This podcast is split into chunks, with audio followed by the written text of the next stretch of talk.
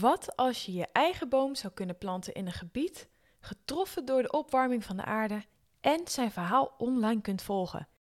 Dankzij Treedom, het bedrijf waarmee je in enkele klikken een boom plant, kun je zelf een soort boom kiezen en zijn verloop online volgen. Elke boom krijgt zijn eigen pagina, waarop iedere gebruiker een foto van zijn boom en de GPS-coördinaten kan zien. Je krijgt regelmatig updates over jouw boom. Ik heb laatst mijn eerste boom geplant, Coco de cacaoboom. Zo zie ik dat Coco nog een klein plantje is en momenteel hard werkt aan wortels groeien in zijn kinderdagverblijf in Cameroen. Voor meer informatie over hoe je de planeet op een leuke manier groener kunt maken, kijk op www.treedom.net. Elk jaar gaan er voetbalvelden aan groen verloren door de komst van nieuwbouw en of renovatie. Zonde! Juist nu planten, bomen en struiken zo hard nodig hebben. Gelukkig bestaan er de struikrovers onder leiding van Bernice Kamphuis, die het groen redden en een nieuw thuis geven.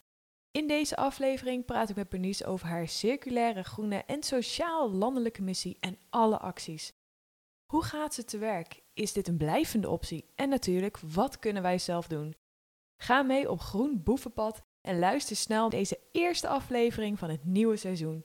She loves to travel far, drink beer in a bar, buying clothes online and drive around her car. But with the looming climate crisis, the melting Arctic ices, all the plastic in the sea, got her thinking about sustainability. Test, test is sustainability. Woo! Soms heb je van die initiatieven dat je bij de naam al hoort van oeh, dit, dit, dit klinkt veelbelovend. En dat had ik ook bij Struikrovers. Dus van harte welkom, Bernice. De eerste aflevering in seizoen 4. En eh, ik kijk ontzettend uit naar dit, eh, naar dit gesprek en natuurlijk naar al jouw verhalen en waar je mee bezig bent. Dus ehm, welkom bij de podcast. Dankjewel, wat leuk. Zeker, en we zitten hier in Eindhoven met een killer uitzicht. Planten om ons heen, oftewel het belooft veel goeds. Bernice, we gaan meteen de diepte induiken. En dat is namelijk, ik wil alles weten over jou. Over jouw persoonlijke reis naar duurzaamheid. Wat het voor jou betekent en waar jouw reis is begonnen. Ja, ik denk dat ik, toen noemde ik het geen duurzaamheid, maar als kind maakte ik me wel best wel veel zorgen over de wereld. En eh, ik weet niet of eh, de luisteraars nog de clip van Michael Jackson herinneren, de Earth Song. Nou, daar ging ik altijd heel hard van huilen en daar kon ik ook niet van slapen. Eh, omdat het ook heel erg in beeld werd gebracht dat de aarde er helemaal uh, aanging en dat alles werd verpletterd. Uh, dus eigenlijk die zorgen over de natuur en over onze wereld, dat is een beetje de motor waarom ik dingen nog steeds vandaag doe.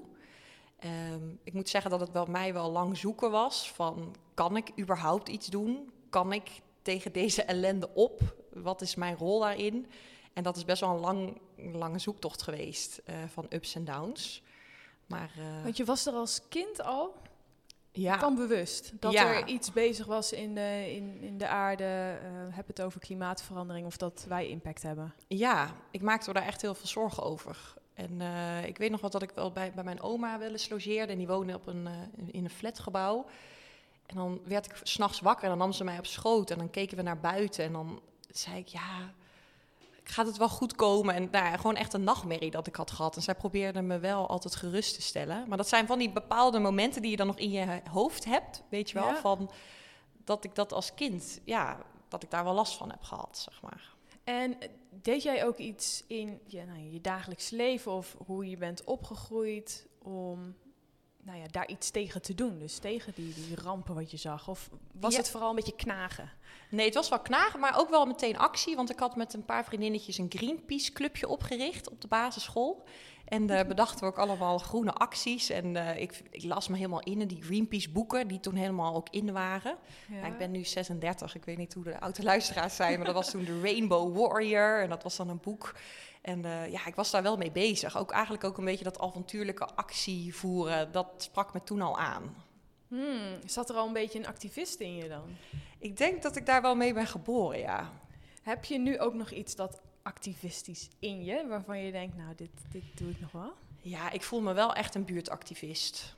En eh struikroven heeft ook iets activistisch, maar ook in mijn eigen buurt zet ik me heel hard in. En soms ben ik, eh, vind ik dat ook wel eens lastig, want ik moet best wel vaak boos worden om het beter te maken. En dat vind ik niet altijd een makkelijke rol om te hebben. En boos op wie? Boos op de gemeente of op eh, projectontwikkelaars, of maar vooral de gemeente eigenlijk. Over dat ze niet de kansen pakken of dat ze niet opkomen voor de buurt of omdat ze het niet doen zoals ik denk van hoe het zou moeten. In de zin van meer groen, beter groen, biodiversiteit groen in de wijk in plaats van alleen maar steen en de focus op auto's. En nou ja, ik kan allerlei voorbeelden geven wat ik doe in mijn buurt, maar het is aan de ene kant voelt het goed om activist te zijn, maar vaak moet je ook een beetje die boze rol pakken. En ik ben echt helemaal geen boos mens. Ik ben eigenlijk altijd vrolijk. Ehm, maar als activist ja, heb je dat ook nodig. Ja, want wat is het aan het topic duurzaamheid dat, dat jou vooral heel erg bezighoudt? Ik hoor je al iets zeggen over biodiversiteit. Betekent voor jou ook duurzaamheid natuur, biodiversiteit of heeft het andere begrippen? Ja, ik heb wel best wel een focus op groen, op vergroening.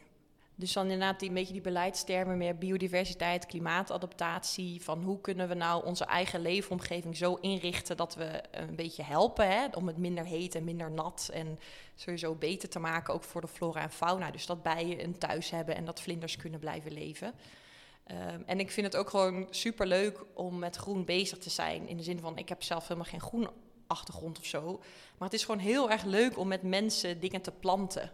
Eh, en wij redden dan dus groen. Maar eh, om, ook in mijn eigen buurt organiseren we ook plantjesdagen. En eh, zijn we bezig om voorgevels groen te maken en daar plannen voor te maken. Maar ook bijvoorbeeld voor hele herinrichtingsstukken nu in mijn eigen wijk maken we plannen om het anders groen te maken. De boomspiegels bijvoorbeeld. Dus eigenlijk het groen wat heel vaak dus niet rondom bomen staat. Terwijl bomen veel beter groeien en langer kunnen leven als ze wat steun hebben aan de wortels. Dus dat daar groen Ja. is. Eigenlijk in ieder geval in Eindhoven, zo in de buurt waar ik woon, is dat vaak allemaal zand en afval wat daar ligt en geen planten. En wij proberen dan vanuit de Groencommissie, die ik ook mede heb opgericht, proberen we dat anders te maken. Hmm, dus als jij jouw ideale wereld mocht omschrijven, hoe zou dat er dan vooral uitzien? Ja, dan hebben we gewoon eh, eh, ja, een, bossig beeld in elke buurt. Weet je? Dan hebben we het gewoon over zo groen mogelijk. En natuurlijk heb je wel straten en parkeerplekken en uitvoerbasis nodig. Maar als je gewoon eens bewust gaat kijken met de bril op van wat kan hier anders, wat kan hier groener, dan zie je echt kilometers aan stoep wat gewoon groen kan zijn. En Ja. je ziet ook wel, wat ik wel super tof vind, is dat er echt een trend is, is dat er biodivers groen wordt ingeplant. Dat is een beetje die outdoor-tuinen. Ik weet niet of je dat kent. Er zijn, Nee, wat zijn allemaal verschillende soorten die prachtig zijn ingeplant. In Eindhoven is bijvoorbeeld voor het Van Abbe Museum heeft hij ook de tuin ingericht. Eh, maar ook in New York heeft hij een hele belangrijke straat ingericht. Maar dat zijn eh, groen dat altijd mooi is. Dus het hele jaar door zie je iets bloeien. Of je ziet de schermen nog van de plant. Het heeft verschillende hoogtes en het beweegt. En het trekt ontzettend veel eh, vogels en andere dieren op zich af. En dat is heel anders dan dat groen wat vaak door gemeenten wordt gebruikt. Dat zijn allemaal van die st- harde struiken die niet bewegen en waar alleen maar Ja, afval op blijft liggen. strak inderdaad. En die lelijke lonicera heten die dan, die struiken. Maar als je nu ook in de binnenstad, daar wordt zoveel meer aandacht gegeven aan biodiversiteit, mooi groen. En ja, mensen worden daar zo blij van. Dat is echt een totale make-over wat je kan creëren. En dat kan op zoveel meer plekken. En natuurlijk in de openbare ruimte, maar ook in de mensen achtertuinen zou je met een beetje hulp veel meer groen kunnen creëren waar je blij van wordt. Ja. ja, en ik zie je ook al helemaal oplichten als je het hebt over groen en tuinen en biodiversiteit. Dus ik, ik merk dat hier echt wel een stukje passie in verborgen zit. Je bent struikrovers begonnen. Dat heb- ben je trouwens niet alleen begonnen, toch? Dat deed je samen met Vincent Wittenberg. Ja, ja, en nog een paar andere bewoners, ook uit Woensel West in Eindhoven. Ja, het is een beetje tegelijkertijd begonnen. Dat is ook wel, hoor je wel vaker, hè, dat goede ideeën op meerdere plekken ontstaan. En bij ons toevallig in twee buurten, eh, ook heel dicht bij elkaar. Maar het is echt in mijn eigen wijk begonnen in de zin van, ik woon in een sloopbuurt. En eh, eigenlijk mag ik het niet meer zeggen, want hij is net opgeleverd. Dus ik heb honderden nieuwe buren gekregen. Maar sinds 2014 woonde ik in een sloopwijk. Eh, het is ook wel een van de buurten in Eindhoven waar nogal wat speelt. Eh, je hebt zo'n buurtthermometer waar ze allerlei data verzamelen. En Hemelrijk, mijn buurtje, is zeg maar de enige oranje wijk van Eindhoven. Dus daar spelen best wel veel problematieken allemaal samen. En dat is ook de reden waarom de Woonstichting heeft besloten om de wijk te slopen en opnieuw op te bouwen. Om meer menging te krijgen tussen koop en huur. En het gewoon een soort lift, uplift te geven. Maar die huizen, die worden gesloopt, die hadden voor- en achtertuinen. En in die voor- en achtertuinen, daar stonden bomen en planten, vaste planten. Het was eigenlijk ontzettend groen. Het waren oude, diepe tuinen. Dat zie je vaak, hè, vooroorlogse huizen. En als ik op mijn bank zat en ik keek naar buiten, dan zag ik bomen bewegen in de achtertuinen van mijn buren en mijn achterburen. Maar die sloop kwam steeds dichter bij mijn eigen huis. En ik zag gewoon dat alles wordt gewoon met de grond gelijk gemaakt. Dus alle bomen, alle struiken, alle bloemen, alle planten, alles verdwijnt. En we hadden het hier echt over honderden huizen. Het is echt een heel gebied. Ik denk dat er wel 400 huizen of zo zijn gesloopt. Dus 400 Zo. tuinen. Ja. Als je nagaat hoeveel oppervlakte dat wel niet is. En toen die tweede fase dus steeds dichter bij mijn huis kwam, toen besloot ik van hé, hey, nee wacht, ik moet één stapje terug. Wij kwamen er in 2014 wonen, hadden een tuin die 100% betegeld was. Ik heb daar wel foto's van. Het is echt Oh. de hel voor een groenliefhebber, zeg maar. Ja. Dus wij wilden die tuin vergroenen, hadden al een aanhanger gehuurd, wilden naar een tuincentrum rijden, waren met onze verbouwing bezig, maar de tuin was ook aan de beurt. Maar wij zagen dus dat er hekken werden geplaatst om weer tuinen van zo'n sloopgebied in mijn straat. En zagen ook dat daar super vette planten in die tuinen stonden. Allemaal planten die wij anders zouden nieuw kopen. En dat Ja. ging helemaal vooraf aan.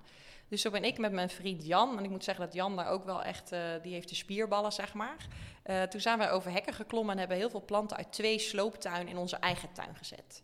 En ik heb daar een hele make-over mee kunnen creëren. We hebben prachtige planten die het nu nog steeds supergoed doen. Rhododendrons, rozen, hortensia's, een druivenstruik waar we elk jaar mooie oogst van hebben. Dat hebben we allemaal uit twee tuinen in onze eigen tuin kunnen zetten.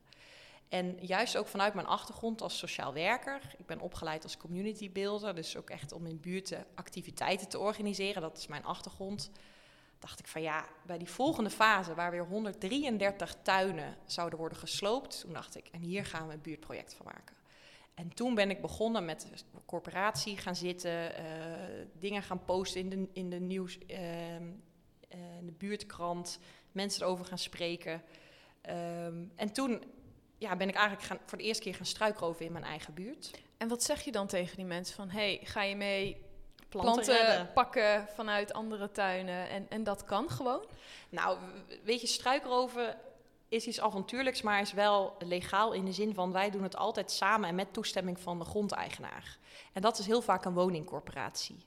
Dus ook in dit geval de woningcorporatie in mijn buurt, Woonstichting Thuis, die ook helemaal struikroof-fan inmiddels is geworden en nu ook op andere plekken doet, eh, die stond er helemaal achter en heeft eigenlijk alle hekken voor ons opengezet.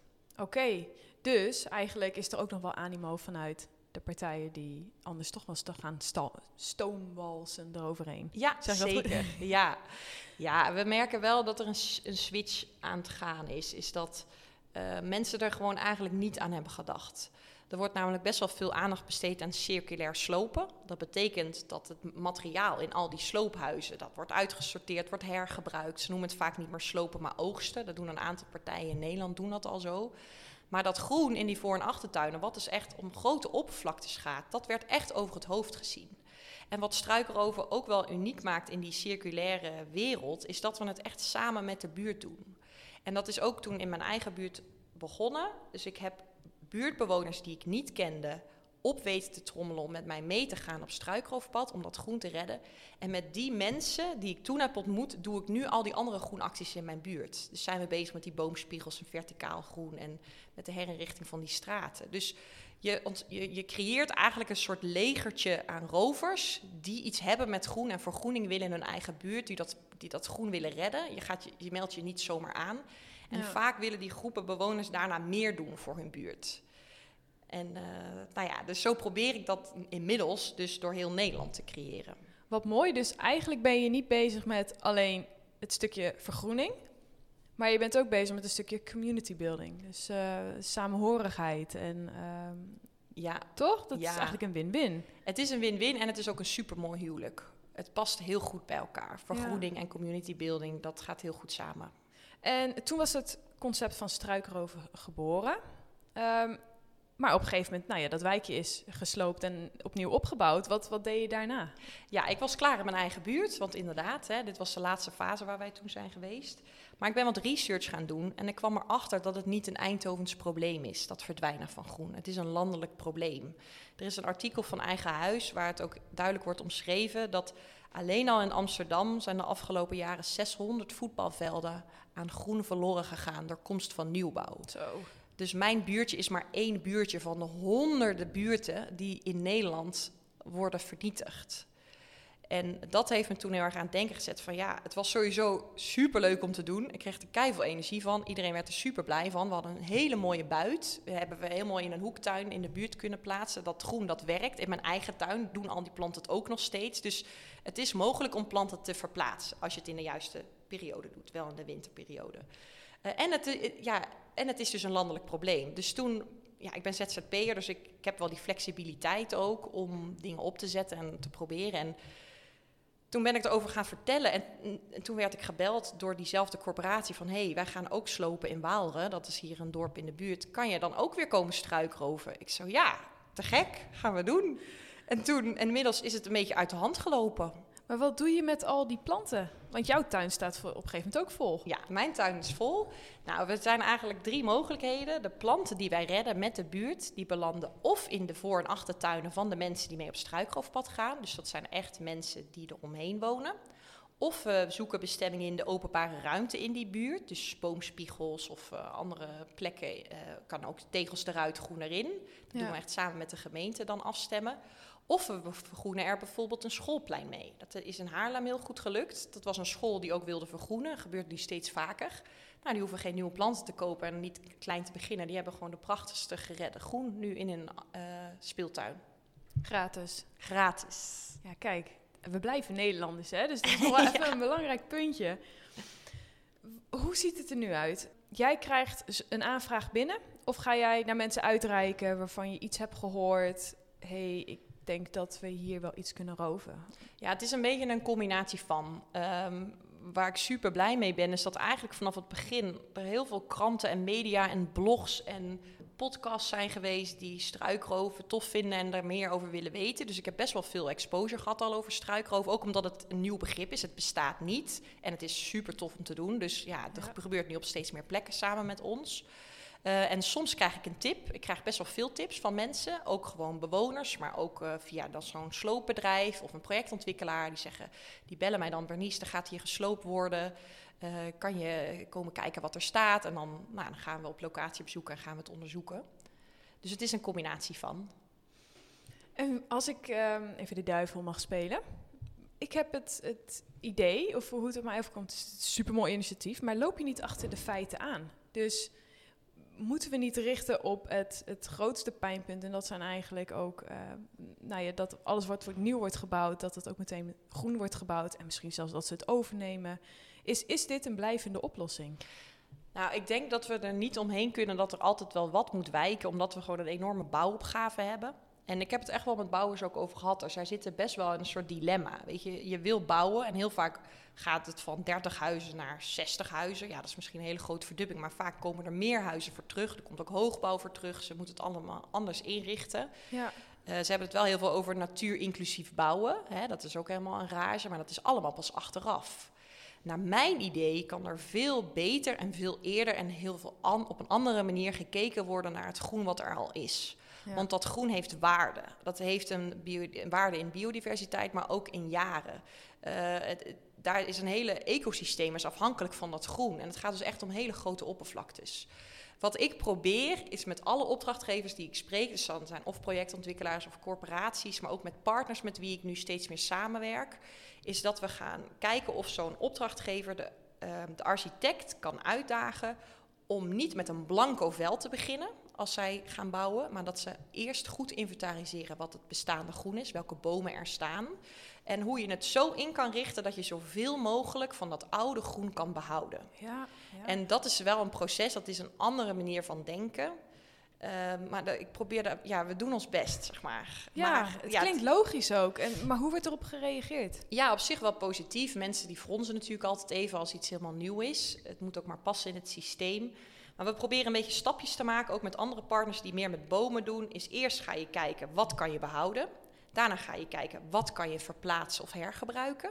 Ja. Ehm, en zou je dat ook... Kijk, bomen zou je ook kunnen verplaatsen. En of je hergebruikt het zelf, of je zet het op een circulaire marktplaats bijvoorbeeld, dat andere mensen de bomen kunnen ophalen. Maar als je dan bijvoorbeeld toch bomen eh, en dat betekent ook verplaatsen, betekent dus ook struikroven. Dus de planten hergebruiken in de eigen omgeving, maar op andere plekken. En als bomen dan toch gekapt moeten worden, hoe kunnen we dat hout gebruiken op een positieve manier? In plaats van dat het wordt gebruikt voor de biomassa-centrales, hoe zou je dat hout kunnen gebruiken voor speeltoestellen of bankjes of andere attributen die toch in die nieuwbouwwijken terugkomen? Ja, mooi. En als we het even nog een, een level verder van waarom is het überhaupt belangrijk dat wij ons gaan richten op planten, op groen, op verschillende soorten planten? Ja, ik denk, ik denk sowieso dat er heel veel mensen heel erg zoekende zijn naar wat zij nou kunnen bijdragen. Ik denk dat veel mensen zich zorgen maken. Nu in deze week waren bijvoorbeeld die overstromingen ook in, eh, in Limburg. Eh, maar sowieso ook de bosbranden in Canada en de temperaturen die wijzigen. Eigenlijk alles is aan het veranderen. Eh, ook in Nederland wordt het steeds heter. En er zijn zoveel bewijzen die aantonen dat als je veel groen hebt, dat het echt heel veel schade, graden kan schelen. En het is ook een soort sneeuwbaleffect wat je creëert. Als je dus heel veel steen hebt, is het heel heet. Als mensen het heel heet hebben, gaan ze airco's kopen. Die gaan ze aanzetten, kost heel veel energie. Om die energie op te... Snap je? Dus het is Ja. een beetje, je, je, je dicht het ene gat met het andere gat. Eh, en ik denk ook dat er ook heel veel bewijzen zijn van dat we ook gelukkiger worden van een groene omgeving. Dus het is ook qua gezondheid ga je daarop vooruit. En we hebben, kijk, niet iedereen heeft een tuin, maar we wonen allemaal in een buurt, we wonen allemaal in een straat. En er is gewoon heel veel bestrating, overal. Of het nou in je eigen tuin is of aan de voorkant. En ik denk wel dat een vergroeningsslag maken en sowieso de natuur op waarde schatten en het beschermen, hè, het is eigenlijk het weerloze bescherm je, dat Ja. dat iets is wat wij allemaal kunnen doen. Ik denk dat in ons allemaal zit een struikrover die zou kunnen opkomen voor het groen en ook met die bril om zich heen kan kijken waar kan er groen toegevoegd worden. En dat is dan zowel beter om de temperatuur naar beneden te brengen en ook hè, de wateroverlast te verminderen, de biodiversiteit te helpen. Er zijn ontzettend veel insecten verdwenen, 70% is al verdwenen op onze aarde. Dat is ook een onderdeel van een cirkel, van eh, van een, eh, ja, een cirkel die bestaat. Alles is met alles verbonden in de natuur. Dus als de insecten verdwijnen, hebben de vogels geen eten meer. Als de vogels, snap je, zo kan je alles door gaan rekenen. Ja, ja. Wij kunnen heel veel doen. En we worden ook nog eens gelukkiger als we het doen. Dat was echt een, eh, een killer pleidooi. een mond vol tanden, maar ik ben het helemaal met je eens. En ja, ik woon zelf op de Veluwe en als ik iets waardevol vind, is het natuur. Naast inderdaad dat ik weet wat voor effect het heeft op, eh, op het klimaat. Precies wat jij zegt en de, de waarde daarvan ook inziet. Merk ik ook zelf het mentale stukje. Het, het heeft zoveel impact op als je al 50 minuten door de bossen loopt. Op je concentratievermogen, je stress gaat naar beneden. Echt dat geluk komt omhoog. Het is, het is zo waardevol. En daarvoor hoef je inderdaad echt niet meteen naar de Veluwe te gaan. Maar dat kan je ook juist in je buurt creëren. Ja, en ik denk dat het juist belangrijk is om in de buurt te creëren. Kijk, ik woon in een zo ja, aandachtsgebied. Hè. Je mag geen achterstandswijk meer zeggen, want dat vind ik ook helemaal niet zo. Het is een, eh, het is een wijk met superveel potentie. En ik ben er heel blij om er te wonen, omdat ik ook niet in een blanke, hoogopgeleide bubbel begeef. Dus ja, daar zitten heel veel mensen in, maar dat is ook niet de realiteit. Nee. Uh, maar ik zie gewoon hoeveel kansen we nog hebben. En uh, ja, je wordt er, het is zo'n transformatie wat groen kan doen. Dat kan je, daar hou je echt niet voor mogelijk. En juist voor kinderen die in die wijken wonen en ook geen tuin hebben, in die flats wonen, die gun ik ook een supergroene openbare ruimte. Je ziet ook in coronatijd, heel veel mensen trokken naar parken toe, uh, maakten steeds meer gebruik van het openbaar groen. En je ziet dat daar gewoon heel veel schaarste op is. Ja. Ik bedoel, waarom is zo'n Vondelpark propvol? Ja, ik denk dan ook in Amsterdam heb je super veel toffe achtertuinen achter die mega dure grachtenpanden. Ik denk ook, gooi alsjeblieft al die poorten open. Laat iedereen er gebruik van maken. Het is ook wel weer de rijke, hoogopgeleide mensen hebben vaak ook meer tuin. Hè? Tuin, grond is duur, grond is schaars in Nederland. Ja. Waarom is een groen en gezond leven alleen maar bestemd voor de rijke mensen? Dat zou voor iedereen beschikbaar moeten zijn. Rijke, uh, groenere buurten, zij hebben ook hogere waardes. De huizen worden voor meer verkocht. Dus laten we ons alsjeblieft focussen om alle wijken te vergroenen. Zeker. Dus wat zouden daarin acties kunnen zijn wat ik Oké, nou, ik woon op de Veluwe, dus het is al relatief makkelijk voor mij. Maar ook voor mijn luisteraars die in de steden wonen, eh, die in een minder groene omgeving wonen. Wat, wat zijn praktische tips wat zij op dit moment al kunnen toepassen? Nou, ik zou het echt super tof vinden als iedereen een beetje scherp gaat zijn in de zin van... Wordt er hier gerenoveerd? Wordt hier gesloopt? Wordt deze straat anders ingericht? En wat staat er? Staat er groen? Eh, want groen kan je dus redden en hergebruiken. Dat hoef je niet te verpletteren. Uh, dus als zij iets weten van waar er wordt gesloopt, alsjeblieft neem contact op met onze stichting, Stichting Struikroven. Uh, ja, de website hopelijk kunnen we later ook nog even noemen. Staat in de show notes, Staat ja? in de show notes, dus dat komt goed. Of uh, bel mij, ik wil ook echt mijn telefoonnummer delen. dus let op, let in je eigen buurt goed op of er iets moet wijken. ga dat dan ook redden. Um, maar ook kijk eens gewoon in je eigen straat Kijk eens in je eigen tuin. Waar zijn stenen waar dat niet nodig is? En probeer het of via de gemeente en dan vooral met meer buurtgenoten. Dus mobiliseer jezelf. Hè, met hoe meer je bent, hoe krachtiger je overkomt. Ja. En probeer dat te vergroenen. Nou, super praktisch en super goed te doen. Ja, ik heb alleen nog één onderdeel niet echt verteld. Hebben we nog tijd of niet? We maken wel tijd. Oké. Vertel. Nee, want um, we merkten namelijk dat als we gingen struikroven, dan nodigen we dus de buurt uit om mee te doen. Stadstuinen zijn klein, hè, dat zei ik net ook al. Um, we merken dat er dan vaak toch nog steeds best wel veel planten staan die dus niet worden meegenomen of waar we geen bestemming voor kunnen vinden. En dat merkten we steeds vaker. En dat voelt natuurlijk super shit, want dan ga je struikroven en dan ga je weg en dan staan er nog planten. Die dan dus echt een week later worden verpletterd. Dus ja. nou, dat wilde ik niet. Dus vandaar is het idee ontstaan om roverstuinen op te richten. Dat zijn een soort logeertuinen voor sloopgroen. En die logeertuinen, die willen we eigenlijk aan laten haken bij bestaande buurtuinen of groene plekken, stadsakkers. Je hebt eigenlijk in elke gemeente van Nederland wel een buurtuin. Of mensen die een stukje hebben gekaat en daar iets groens mee doen. Kan ook een moestuin zijn. Ja. En het idee is om daar een plek in te richten als roverstuin. Dat we de planten die overblijven na zo'n struikrofactie weer daar naartoe kunnen brengen. Maar dat dat ook een plek is waar de hele buurt of de hele gemeente hun planten naartoe kan brengen als zij hun eigen tuin anders gaan inrichten. En dat is tegelijkertijd ook een plek waar je naartoe kan als je planten nodig hebt. Precies, dus als ik een plekje over heb in mijn achtertuin en ik denk, hé, hey, daar kan ik uh, ja. een leuke planten planten, dan ga ik even langs. Dat je eerst gaat kijken of er bestaande planten zijn die een nieuw huis zoeken of tuin zoeken, dan dat je naar een tuincentrum gaat. En op die manier zouden we struikroven ook een vast onderdeel het hele jaar door kunnen maken. Het is namelijk ook zo dat ik elke week word gebeld door mensen uit heel Nederland. Die bellen mij, Bernice, ik zoek planten. Heb jij planten voor mij? dat is ook, zijn ook soms bedrijven die hun bedrijventerrein willen inrichten. Die vragen, Bernice, heb jij struikroofplanten? Nou, dat heb ik dan vaak niet. Of het moet net uitkomen dat we gaan struikroven in de buurt. Maar er zijn ook heel veel mensen die mij bellen of mailen van... hé, hey, ik ga verbouwen, kan je mijn planten komen ophalen? Dus alles komt heel erg samen in die roverstuinen. En het idee is dat we, we zoeken ook in elke gemeente, onze droom is eigenlijk om struikroven een vast onderdeel te maken van elk slopen renovatieproces in Nederland.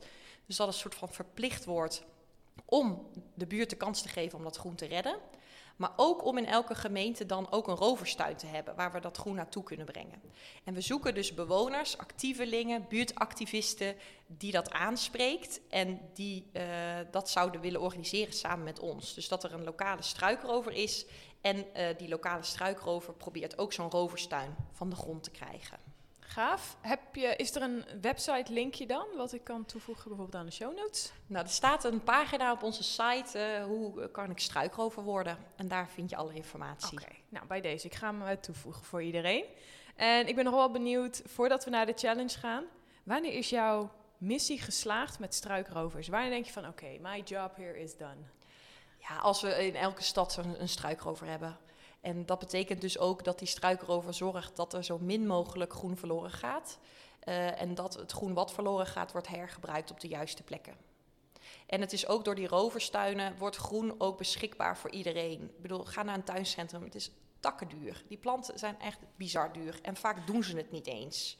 Weet je, dus het is ook een manier om. We willen eigenlijk een struikroverscommunity creëren. Waar dus die lokale struikrovers het in hun eigen gemeenschap organiseren. Maar als mensen dus naar zo'n roverstuin komen voor planten. en die hebben nu bij wijze van spreken nog weinig verstand van planten. kun je elkaar ook helpen. Je kan elkaar ook ondersteunen. Want planten willen groeien.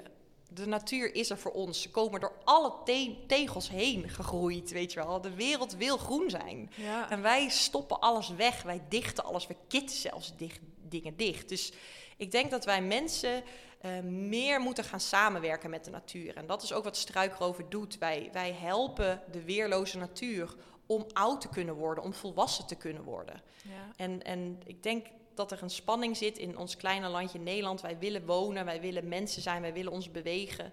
Maar we hebben de natuur nodig, we zijn er afhankelijk van. Dus laten we alsjeblieft er beter voor zorgen. Absoluut. En het een hoeft het ander ook niet uit te slaan. We kunnen nog steeds huizen bouwen, maar als we dat samen doen met de natuur, Ja, zeker. dan is daar, is daar ook gewoon ruimte voor. Ja, Ja hoor, in mij heb je. Ehm, het komt al meteen, ik zei toch, tijd vliegt voorbij. Eh, brengt ons al meteen op het einde. Ehm, wat voor challenge heb jij bedacht voor mij en de luisteraars? Want ja, luisteraars, ook in seizoen 4 komt er weer een challenge. Ja, net stipte ik het al een beetje aan, maar ik, ik zou het te gek vinden als mensen met struikroofogen eh, in hun omgeving gaan kijken. Dus goed opletten, ook als je bijvoorbeeld iets leest in de krant of je ziet iets voorbij komen van een corporatie in je buurt die plannen heeft, eh, om goed te checken of er al wordt gestruikroofd en ons een tip te geven. Ehm, probeer ook in je eigen omgeving planten niet eruit te trekken en in de kliko te gooien. Maar vraag in je eigen omgeving, in een buurt-app of in je familie-app of in je vrienden-app. Wie heeft er plek voor deze prachtige rozenstruik? Eh, ik ga hier een zwembad bouwen, dus ik heb geen plek. Of I don't know, ik weet. Hè, het kan van allerlei eh, leuke toepassingen zijn wat er in de plaats moet komen. Maar probeer dus zoveel mogelijk met struikroofogen te kijken en red het groen. En als je het je echt heel erg aanspreekt, neem alsjeblieft contact op om de lokale struikrover in jouw gemeente te worden. Ja, super tof. Absoluut, heel erg tof. Bernice, ik ga je bedanken voor dit eh, ontzettend leuk gesprek. Voor jouw enthousiasme en de acties die je doet met struikrovers. Dankjewel. Graag gedaan. Test, test de sustainability. Woo! Woehoe! Samen hebben we weer een stap in de groene richting gezet. Jij topper. Ik hoop dat je net als ik geïnspireerd voelt naar deze aflevering. En wat neem jij vooral mee? Laat het mij weten via Instagram @test2sustainability of deel het in de reviews op Apple Podcast. Oh, en ehm, help je mij mee de duurzame vreugde te verspreiden in Nederland? Deel dan deze aflevering op Instagram en vergeet mij niet te taggen. En als laatste, heb jij tips, tricks of feedback voor mij? Laat het mij ook vooral weten. Tot de volgende aflevering.